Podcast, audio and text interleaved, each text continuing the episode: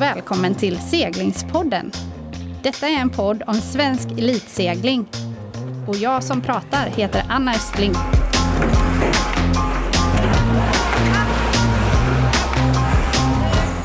Seglingspodden presenteras i samarbete med Helly Hansen, Båtmässan Göteborg, Pilot Pen och Brant Båt. Anna, hej och välkommen hem från eh, Nya Zeeland. Ja, tack. Fantastisk resa. Ja, men vilken prestation. Ja, eh, ja, alltså innerst inne så skaver den ganska mycket. Jag vet att man får ju liksom eh, tänka till lite här nu när man uttalar sig och det är klart att det eh, var, alltså det är inte på något sätt ett dåligt resultat, eh, men vi blev ju som sagt fyra då på VM och vi hade lite högre målsättning, eh, men det var extremt tajt i toppen. Eh, och efter Run Robin så var vi tre team som låg på samma poäng, eh, topp tre då. Eh, och när jag då analyserar de två enda racen som vi förlorade i Run Robin, så kommer vi ner till att vi hade en knut på eh, Spinnakerfallet som sabbade ett race. Eh, och sen så tappade vi ett annat race eh, nere vid eh, bottenmärket också. Det var extremt strömt. Eh, så det här med typ ögonmått som brukar funka ganska bra, eh, när man vet att men nu börjar det närma sig, nu börjar det bli bråttom. Eh, det ögonmåttet stämde inte alls, och det tog ett tag innan du vet, man fattade det exakt när det var så mycket eh, tides. Ja, så det var två ganska snöpliga förluster eh, som kanske i slutändan betydde rätt mycket. Eh, för när vi väl gick in i semifinalen så eh, fick vi segla mot Pauline Courtois och eh, Celia Willison som vann då grundomgången, fast på samma poäng som oss andra. Eh, hon valde en, eh, en lokal tjej, Megan Thompson, jätteduktig i båten, men kanske inte riktigt lika vass ehm, totalt sett. Så mm, det är små marginaler. Du hade inte valt Pauline om du hade liksom fått välja? Nej, alltså våran semifinal var helt brutal. Jag har nog aldrig varit med om en så tajt eh, omgång av tre race. Vi, var, vi bytte ledning eh, flera gånger i varje race och eh, det var så svårseglat. Vinden kom från en ganska klassisk eh, riktning där då, utanför klubben eh, i Auckland, men eh, väldigt svårseglat. Och alla var helt slut när vi kom in efteråt för att hjärnorna kokade och besluten var tuffa. Men äh, det var en extremt tajt semifinal. Äh, och vi förlorade faktiskt första racet med, alltså på riktigt, 2-3 centimeter, säger målbåten. Eh, så med det facit i hand så, där, så är det lite ångest när man vaknar så här jetlaggad på natten och bara funderar på, kunde vi bara, skulle vi bara inte lagt jippen där? Eller ja, du vet, det är små, små, små marginaler. Du, jag, vet, jag kommer ihåg ett avsnitt som vi spelade in på Marstrand med Krull där om Knut på fallet. Ja. Du kanske ska lyssna på det. Han har lite tips. Ja, men alltså det är så sjukt, för det är så mycket som händer. Eh, det var väldigt korta banor, blåste jättemycket, extremt strömt. Och jag vet just i det här fallet så har Annie städat fallet, eh, som hon gör varje gång, helt exemplariskt. Och så när vi närmar oss bottenmärket så eh, behöver Linnea hjälp med en grej med gajen. Eh, och då går Annie dit, tar det och sen hamnar den guiden på det städade fallet. Och då säger Annie till oss efterhand att i hennes hjärna så går det snabbt in bara det här kan bli problem. Men man hinner inte något mer än att bara, okej, okay, nu ska vi blocka. Eh, så att, eh, ja, det finns några sådana grejer som man bara, om inte om och hej och Men eh, det är väl därför vi älskar den här sporten och fortsätter och fortsätter och fortsätter. Det är liksom aldrig, det ska inte vara enkelt. Mm, nej. Ja, men det, det, det lät som att det var kanske den optimala finalen som nu då blev semifinalen. Ja, och det var en väldigt sjuk känsla när man kommer in och är så brutalt besviken, för då kan vi ju addera att vi liksom efter semin då det gick rakt in i den här lilla finalen eh, och fullständigt kapitulerade. Liksom. Det var inte egentligen ett dåligt race och vi var svinnära vinsten, men vi tog den inte och då blir man liksom fyra. Det är ju rätt tråkigt. Eh, så när vi kommer in på land där efteråt, bara helt utpumpade, så kommer fransyskorna fram och de är liksom nästan tomma. De har precis vunnit, men de ser helt så apatiska ut och bara Oh, vi, vi är helt darriga, vi fattar inte vad som hände och vi är så ledsna för er skull. Eh, det var ett väldigt konstigt moment i idrotten, liksom, där man känner att vi båda kände nog att det här var toppmatcher. Fjärde bäst i världen, jag tycker det är imponerande. Ja, du är snäll. Jag tycker du var duktig. Ni var extremt duktiga. Jag följde lite grann på, på nätet. Det var, nej, det var bra. Men Auckland är ju någonstans seglingens huvudstad.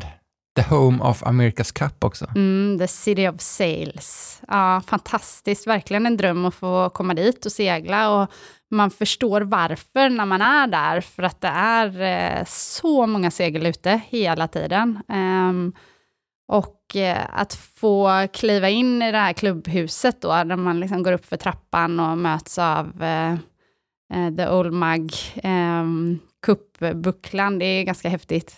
Mm. Men du måste berätta nu då, för ni eh, var ju lite närmare Amerikas Cup än vad man kanske bara ser när man går in i klubbhuset. Berätta. Ja, vi eh, har ju kontakt med eh, några utav de som jobbar på, på Team Emirates New Zealand och eh, tjatade oss in där eh, på ett, vad ska man säga, typ studiebesök var det väl. Men de var eh, supervänliga eh, och tog emot oss. Eh, vi har inte en enda bild där inifrån, det var ju liksom top secret allting. Ehm, men fick ändå chansen att ta oss in eh, och kliva upp på AC40-båten och få en full genomgång eh, av båten. Och um, man kunde ställa alla dumma frågor som man har. Eh, Inklusive frågan typ, kommer vi kunna segla den här båten? Den ser ut som ett rymdskepp och går fort som tusan. Vi får börja lite, backa lite nu då. Ja. För de som inte har hängt med, liksom, ja. vad händer med Amerikas Cup? Vad är status och vad är, liksom, vad är det för båt du pratar om? Mm. Eh, Amerikas Cup vanns ju senast då av Nya Zeeland och då är det ju de som sätter alla regler.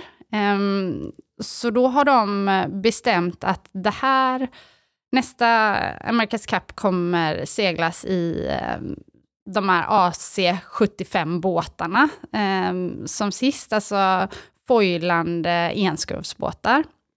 Men i utvecklingen av de nya AC75 eh, förmodligen för att hålla liksom, en, någon sån här budget. Eh, alltså det är ju ändå en ganska massiv insats som krävs för de här kuppteamen. Men då har man bestämt att Ehm, utvecklingen eh, får bara ske på de mindre båtarna. Man får alltså inte ta fram en himla massa stora 75-fotsbåtar och testa och eh, justera, utan man kommer bara få ta fram en sån båt. Och då betyder det att det vill teamen göra så sent som möjligt. Och hur ska de då lägga upp arbetet i liksom, testandet? Jo, då har de fått två val. Um, eller två möjligheter. Det ena är att alla blivit tvingade att köpa en AC40. Som är en 40-fots uh, eh, liten miniatyr av uh, 75an. Uh, och sedan så får de också bygga en egen, max 12 meter lång båt, som de får göra justeringar på. Eh, och de här två båtarna då kan man använda för att träna sig i matchracingen och ta fram den bästa foilsen och det bästa som man tror på då, för att sen bygga den stora båten. Eh, och det som också står i protokollet är att alla teamen som är tvingade då att köpa den här AC40 måste sen lämna ifrån sig AC40 till Barcelona-eventet. Mm. För att det ska seglas en ungdomstävling och en Women's America's Cup. Coolt. Mm. Och där är vi nu då? Precis, och då steppar vi tillbaka ombord på den här AC40 inne i basen i Auckland. Eh, och eh, just när vi är där så är de i full gång att de, ehm, de seglar båten, den eh, funkar jättebra, de eh, har liksom lärt sig den, men nu har de börjat ehm, modifiera båten. Så att det hänger skynken och liksom grejer på vissa saker som vi inte får se. För att det är liksom Nya Zeelands-teamets utvecklingsbåt nu då. Det är inte en One Design AC40 längre. Men ska det vara det då, när vi pratar om Barcelona och Women's America's Cup, så ska det vara en typ Mm. då? Ja, så alla båtar, eller alla teamen har då ansvar för att eh, gö- alltså återställa båtarna efter att de har eh, gjort sina tester och gjort sina utvecklingar. Eh, så när vi pekade och frågade lite, vad är den där? Ja, det var top secret. Då förstod vi att hej, den är inte med sen då i eh, One Design-klassen, om det var någon viss liten skärm. Eh, det var inte så att man fattade vad den skärmen gjorde, så det var inte så att vi var jättespioner direkt, men ja. Ja, men någon annan kanske fattar. Då. Ja. Men, men det, då kunde man ju då tänka så här, okej, Anna och kompani, ni är på, eh, Team Wings är på studiebesök på Amerikas Cup-basen. Ska ni segla Amerikas Cup?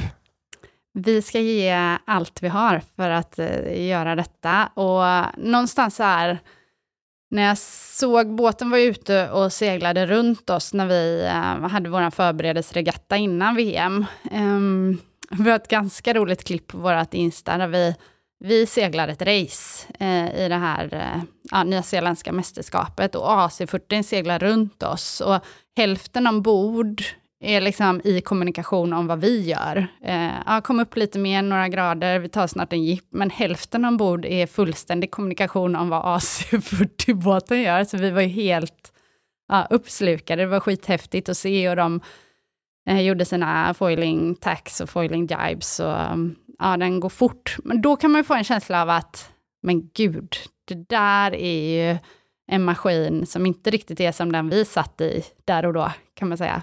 Eh, men samtidigt så kommer jag då tillbaka till att, okej, men om de ska ha 12 team på startlinjen som de vill, 12 Eh, tjejteam. 12 damteam, Mm. varför, vad är det som hindrar oss? Mm. Absolut ingenting. Eh, så jag känner bara att det är självklart att eh, göra den här satsningen och i det skedet som vi är nu, där vi är liksom mitt i eh, seglingen och har ja, eh, kunskap och liksom motivation och eh, vi kommer liksom aldrig förlåta oss själva om vi inte ger det en chans. Ska vi ge våra lyssnare en chans nu att få vara med på det här lilla äventyret? Ja, men absolut. Det, är, det finns eh, många delar som vi kommer behöva samarbeta kring här nu då. Um, dels så kommer vi behöva fler tjejer. uh, vi kommer behöva lära oss foila. Vi kommer behöva ge, liksom, vänja oss vid höga farter. Uh, och en grym grej som Nya Zeeland har skrivit in i, i det här protokollet är att uh, nästa vinnare kan inte ta bort AC40 från nästa kupp. Så att det kommer vara liksom en längre horisont än bara Barcelona 2024. Eh, och då tänker jag att vi, eh, vi jobbar upp vägen här nu, men sen så är det ju andra yngre förmågor som kommer ta, ta vid. Så att vi kommer behöva lära oss att segla fort. Ehm, vi kommer behöva ehm, en stor påse med, med pengar. Så då säger vi det till alla som lyssnar. Har du en stor påse pengar, hör av dig. Eller Ja. har du bara liksom massa kunskap om hur man bygger ett eh, Amerikas Cup-team? Precis. Eller ett stort, eh, ja det behöver inte vara Amerikas Cup-team. Man kan ju ha erfarenhet från att bygga stora idrottsteam. Så då hör ni av er. Mm, det här blir en eh, to be continued, om vi säger så. Ja, Mm. grymt. Mm. Och du träffade ju eh, en person. Nu, eh, vad hette hon? Eh, ja, men precis. Jag träffade Elise Bivis ehm, eh, som jobbar som utvecklare eh, i, eh, i eh, Emirates Team New Zealand. Som, eh, alltså hon var ju en av de smartaste tjejerna jag har träffat tror jag. Hon, eh, hon bestämde sig väldigt tidigt för att eh, inte skita i sin akademiska liksom, eh, ja, ehm, karriär, men älskar seglingen. Ehm, så att eh, ganska snabbt efter att hon eh, hade börjat plugga så insåg hon att det finns, eh, det finns jobb inom eh, eh, engineering och sånt som har med segling att göra. Så att hon är en nyzeeländsk tjej, hon är 29 år. hon har jobbat för Emirates Team New Zealand i åtta år. Oh. Eh, och hon är på Chase Boat, eh, number one. Eh, på Bermuda så var hon den som var i följebåten med eh, direktkontakt till seglarna. Snappar upp alla deras kommentarer om eh, ah, hur det känns i båten. Och sen så är hennes hjärna någon typ av superprocessor som sen får ner allt till eh, ja, data och eh, utvecklar. Så hon är med i designteamet, en superinspirerande tjej. Eh, så henne träffade vi. Eh, och inte nog med det så vann hon i somras eh, VM för damer i WASP-klassen. Och hon beskriver lite närmare om sin satsning i det, men framförallt sitt brinn för ja, utvecklingen av ascoola båtar. Vi lyssnar på henne då. Det gör vi.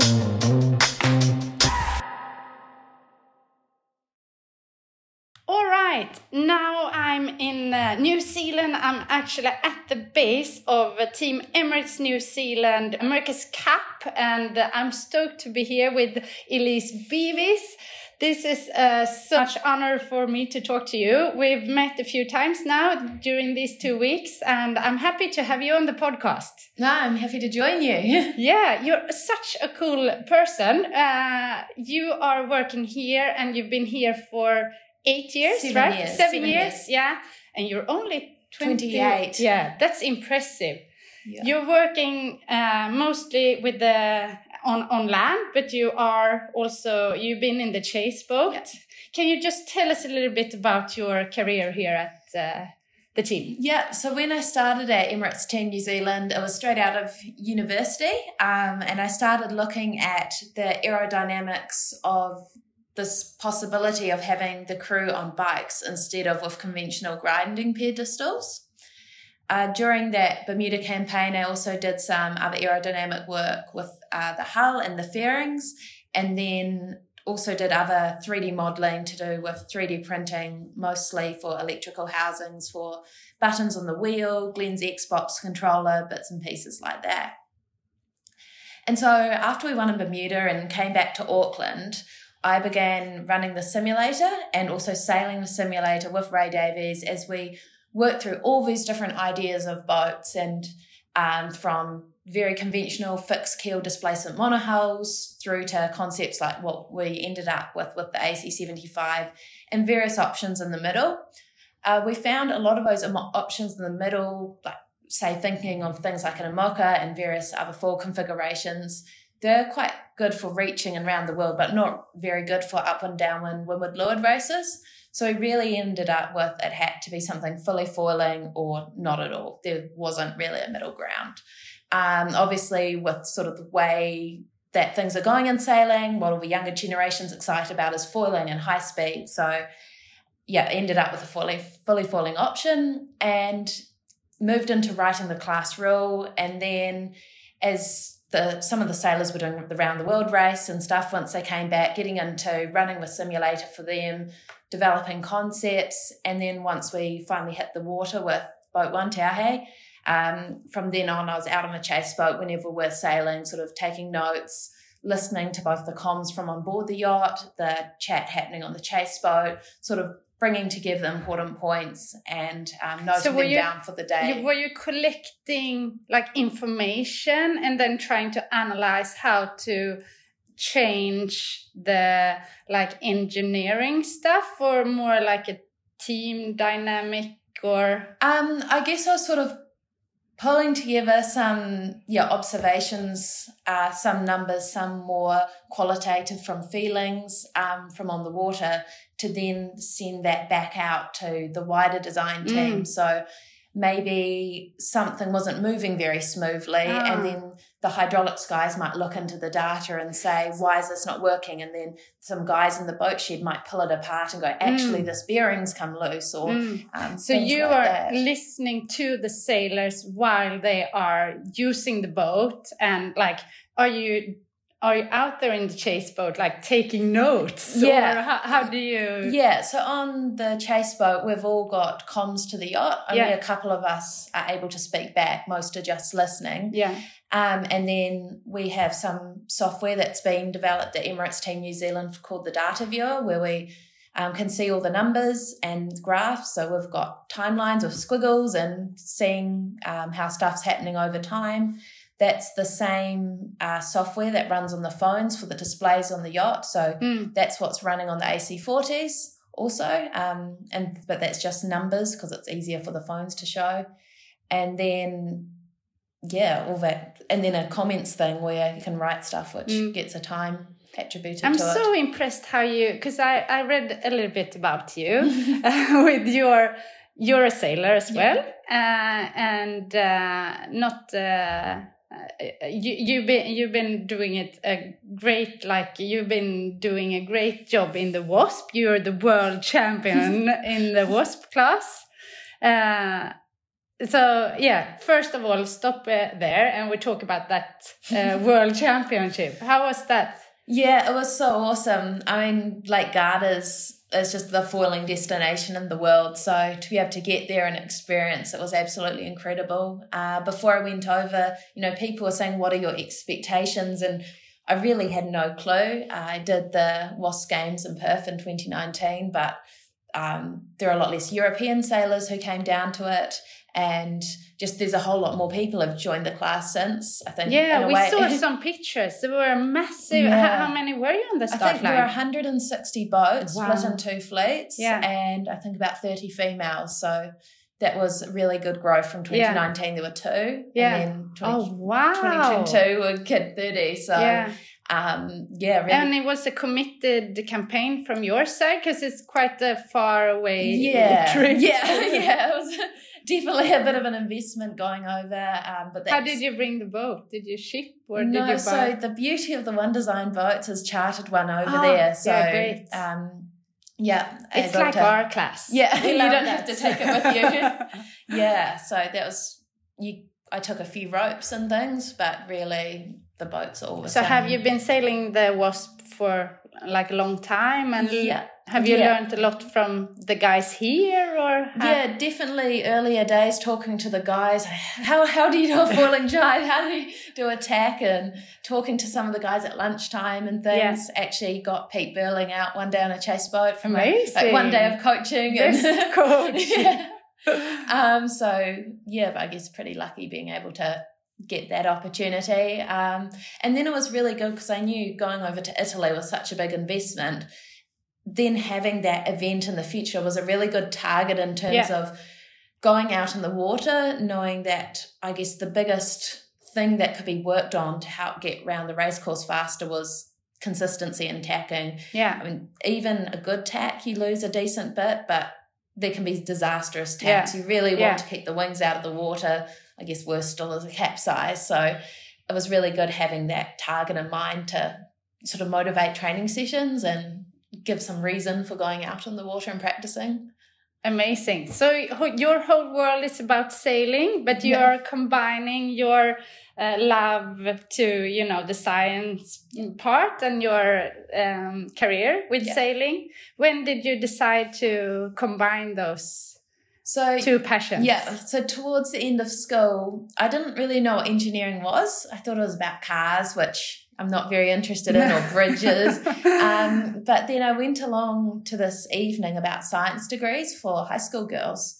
And one of them, the speakers also talked about her friend who was doing engineering and specifically engineering science. And it sounded quite interesting. Uh, and I went home and did some more research. And on their website, there were three bullet points. One said, How do you design a sail for low wind conditions? Wow. And I was like, oh, this, this sounds like the degree. Yeah. I also found a lot of the guys at sailing, um, girls too, do mechanical engineering, and with the assumption that you know a lot of sailors who decide to go down the more technical route would want to work for Emirates Team New Zealand. So I thought by doing engineering science, it was something similar but slightly different. Yeah. Um, yeah. Smart. yeah. So when you had your degree and you you know this was your goal to work Mm. for team uh, emirates new zealand uh, how did you how did you go through Yeah, so with an engineering and degree in uh, engineering degree in New Zealand, you have to do 800 hours of work in industry, which is quite good because then when you finish your degree, you've actually got something useful on your CV. And so I was talking to some families at the yacht club who had connections to sailing businesses, and my dad was also talking to friends through that too. And through a past sailing coach, Rob Salthouse, I ended up getting a job at Pure Design and Engineering, which is just down the road. And they specialize in the composite design of yachts, uh, quite a bit of TP52 work and various things. So I worked with them for two summers.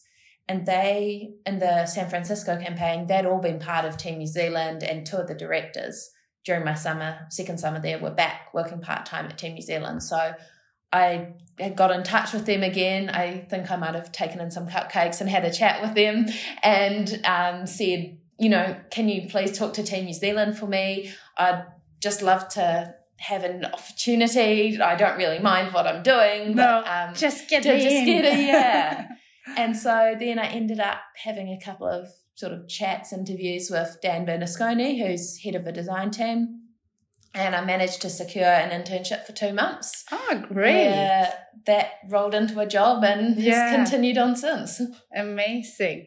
I read somewhere that your parents thought that this maybe was an, an environment for young girls. You know, it's a male dominant world, but they didn't say anything to you. Yeah, so I guess my parents have always been supportive, and um, yeah, so I found out more recently that I said at some stage, you know, I want to work for Team New Zealand, and they apparently had a t- little chat later and were like, you know, the people that they know with any sort of connection, they're all a lot older, and Yeah. you know that and i i thought the same too like maybe at the stage i am now maybe i'd have experience elsewhere and be able to come Yeah. in so yeah but got straight in and i think the culture's probably changed a bit um if you went back 10 15 years i think would it, have was a much harder. older Yeah. uh, sort of team, whereas we've got a couple of you know new grads. We've got Max who did the youth program and he's doing structural engineering. We've got a graduate software guy. We've got Tanya Perch. She's just finishing up her PhD. Has submitted it, but finished it yet. And actually today we've just got two interns have both started. So there's definitely And you're not the only Uh, girl. no. So there's yeah three girls under thirty. So Yeah, that's, that's when great. people talk Yeah. boys club i think when you look at those 10 20 30 years ago not many girls studied engineering so it's not surprising there's not many No. 40 50 year old No. women working in design teams for Yeah. america's cup whereas once you look at that 30 and under range you know it's a lot more even And you've done a great job because we were uh, talking to Russell Green, and uh, he was like, "No, she won't be on the women's book because we need her on land. She's too good." but what are your goals with your sailing? Um, I guess when I got to the end of school, I realized that I was had more of a competitive mindset academically than sporting. I'd also seen quite a few people just older than me sort of trying to do the Olympic sailing, trying to do university, failing at both, and Mm. then they're five years on and haven't really got anywhere with either. So I really threw myself into the academic side. Um, and but then I came through my degree and started working here and was really keen to get back into sailing. And that's what I tell a lot of, you know, younger sailors is being a professional sailor is not the only way to stay involved in sailing. And No. there's a huge wealth of jobs with the logistics, the Mm. management, the drumming up sponsorship, the media, you know, written and photos. There's so many opportunities out there where you can work in these sailing environments.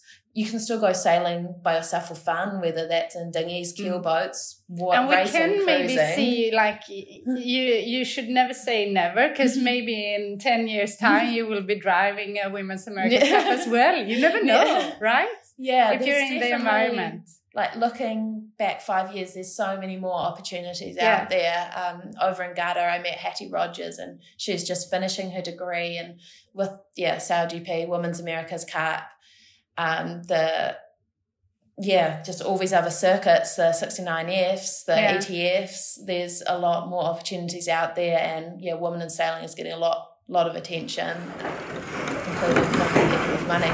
Yeah, that's amazing.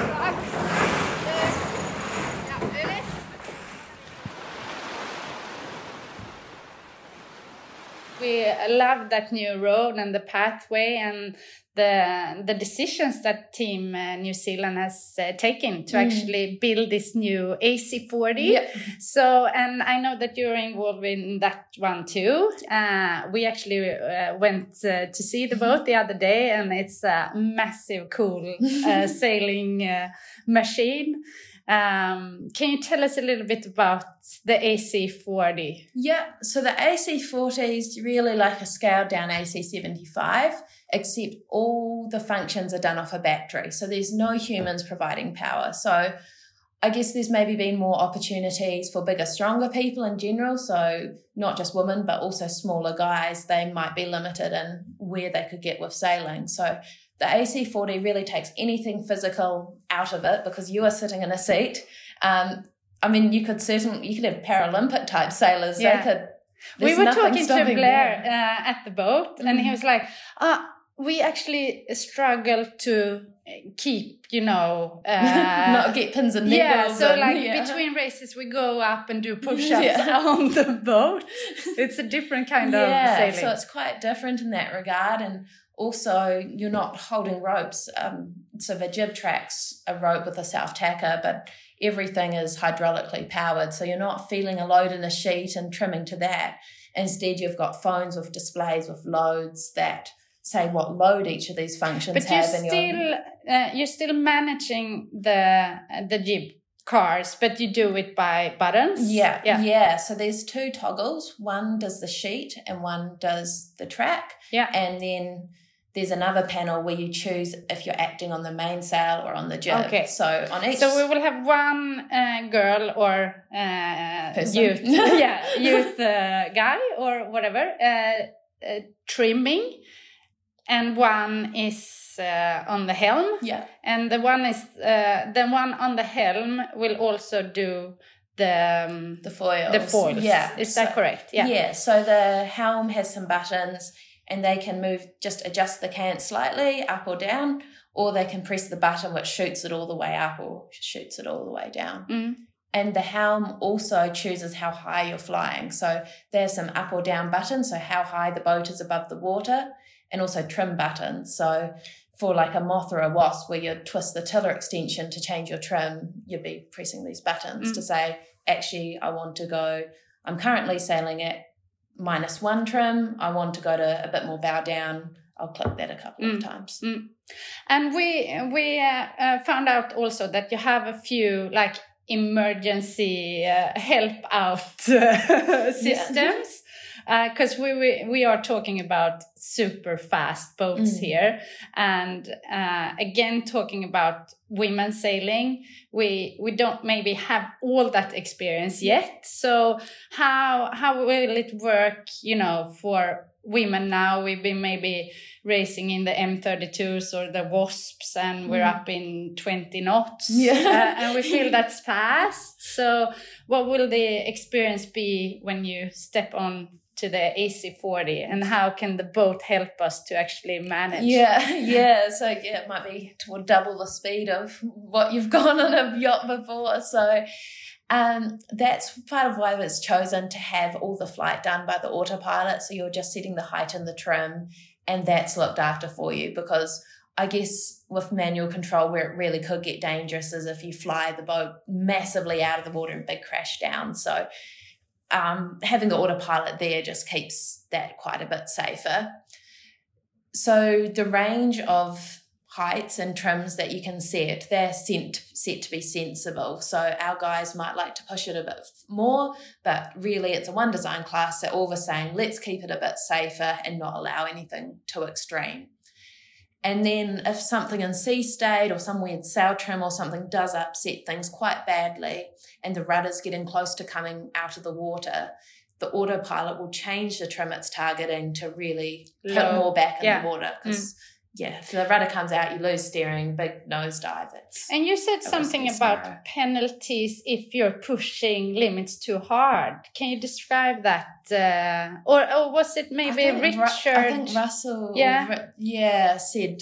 um, it might that, be uh, rules. Uh, I think if you were setting your trim targets or super bow down all the time and it kept going, nope, your rudder's close to coming out, send you down, then going through that cycle Ah. of pushing that all the Oh, maybe it was that he meant hurt. that you will be uh, you will be having a penalty with the boat taking you Yeah, slow maybe. again. Yeah, uh, we have to uh, figure out. Yeah. okay, so if we go back to how we should actually manage these Mm. super fast boats if we don't have the knowledge. Uh, I know that you have quite a good uh, setup with uh, like simulator. Yeah. Yeah. Yeah. So, in terms of coming up with the AC75 in the first place, that was all with our simulator where we can put in different foils, we can make rigs bigger or smaller.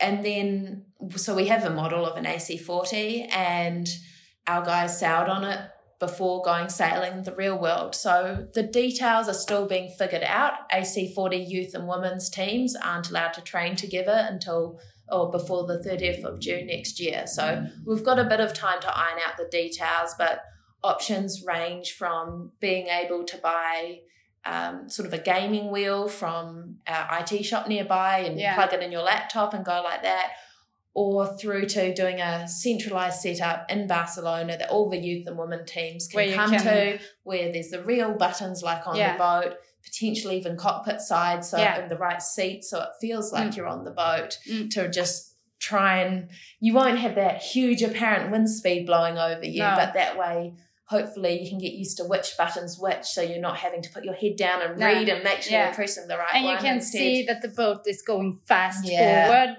uh, on the screen Mm. and maybe have other boats so Yeah. you need to you know understand when to when to turn yeah, within the simulator it's Yeah. got we've got capability for match racing um, Oh, that's that might be able to go further to have even more because Yeah. the most of the races for the women's and the youth americas cups are fleet races Yeah. so there's going to be a lot of boats moving around at high speed so got to you need your head up to see where everyone else is yeah we're so excited it will be a amazing event and uh, yeah we can't uh, you know we, we're so looking forward to uh, this in a few years Yeah. it's uh, it's gonna be amazing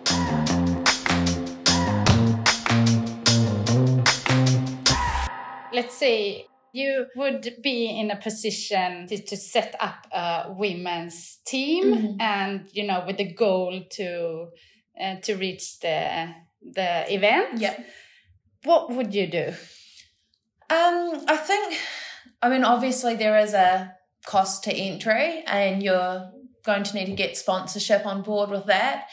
And I guess what you'd really want to do is have access to an AC40. So if you're from a country with a cup team, you'd want to foster relations with that cup team and um, hopefully getting some time on the boat and learn from what the cup sailors are doing. But ultimately that's going to be dictated by what the cup team's up to and um, what else the boat's being used for.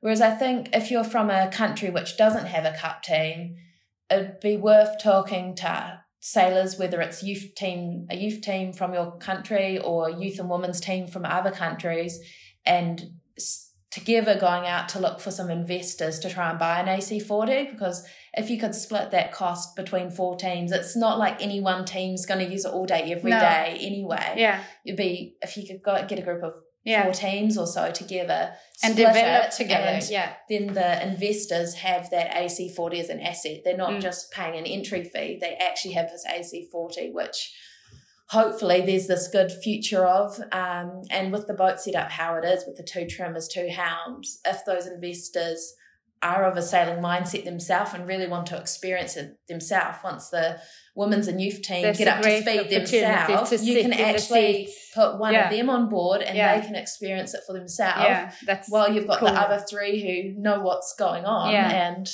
um, particularly the helm seat the trimmer's actually the harder position to jump on Mm. uh, whereas if you know these investors they can jump on and spend some 10 or 20 minutes in that helm seat, you've got the other helm who's got access to the wheel so they can always grab it if um, anything gets shaky. Would yeah, a pretty cool thing to sell back to them. Yeah. So trying, of course, to manage the the budget question in this campaign, but it's the same for you know the cups, uh, mm. like in all previous years as well. Uh, what what type of uh, sailing would you do if, like in in mm. before you, yeah. you step onto the AC I think I'll probably be trying to get on yacht sitter as fast as possible uh, just to get some feeling for that speed, making decisions quickly, and just the foiling boats to get used to that sort of three dimensions of movement rather mm. than mm. two. Yeah. Elise, I couldn't thank you more. This has been uh, the nicest 25 minutes ever. We are so uh, happy to see you here and shine with your uh, degree in science mm. and combine it with your passion in uh, sailing. And we wish you the best of luck and hopefully we'll see you around uh, driving or trimming the AC40 in the future. Thank you. All the best for your future sailing. Thanks, Elise.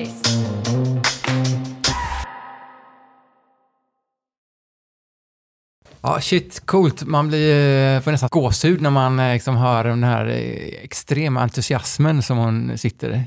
Ja, alltså väldigt cool tjej och hur hon är så himla dedicated på att hon vill jobba inom seglingen och att det finns många jobb um, som inte bara liksom har med att vara seglare och liksom den biten. Um, ja, en boost för alla som gillar den akademiska världen också. Ascoolt. Tack för nu då. Ja, tack eh, för att ni har lyssnat och eh, vi hörs igen om två veckor.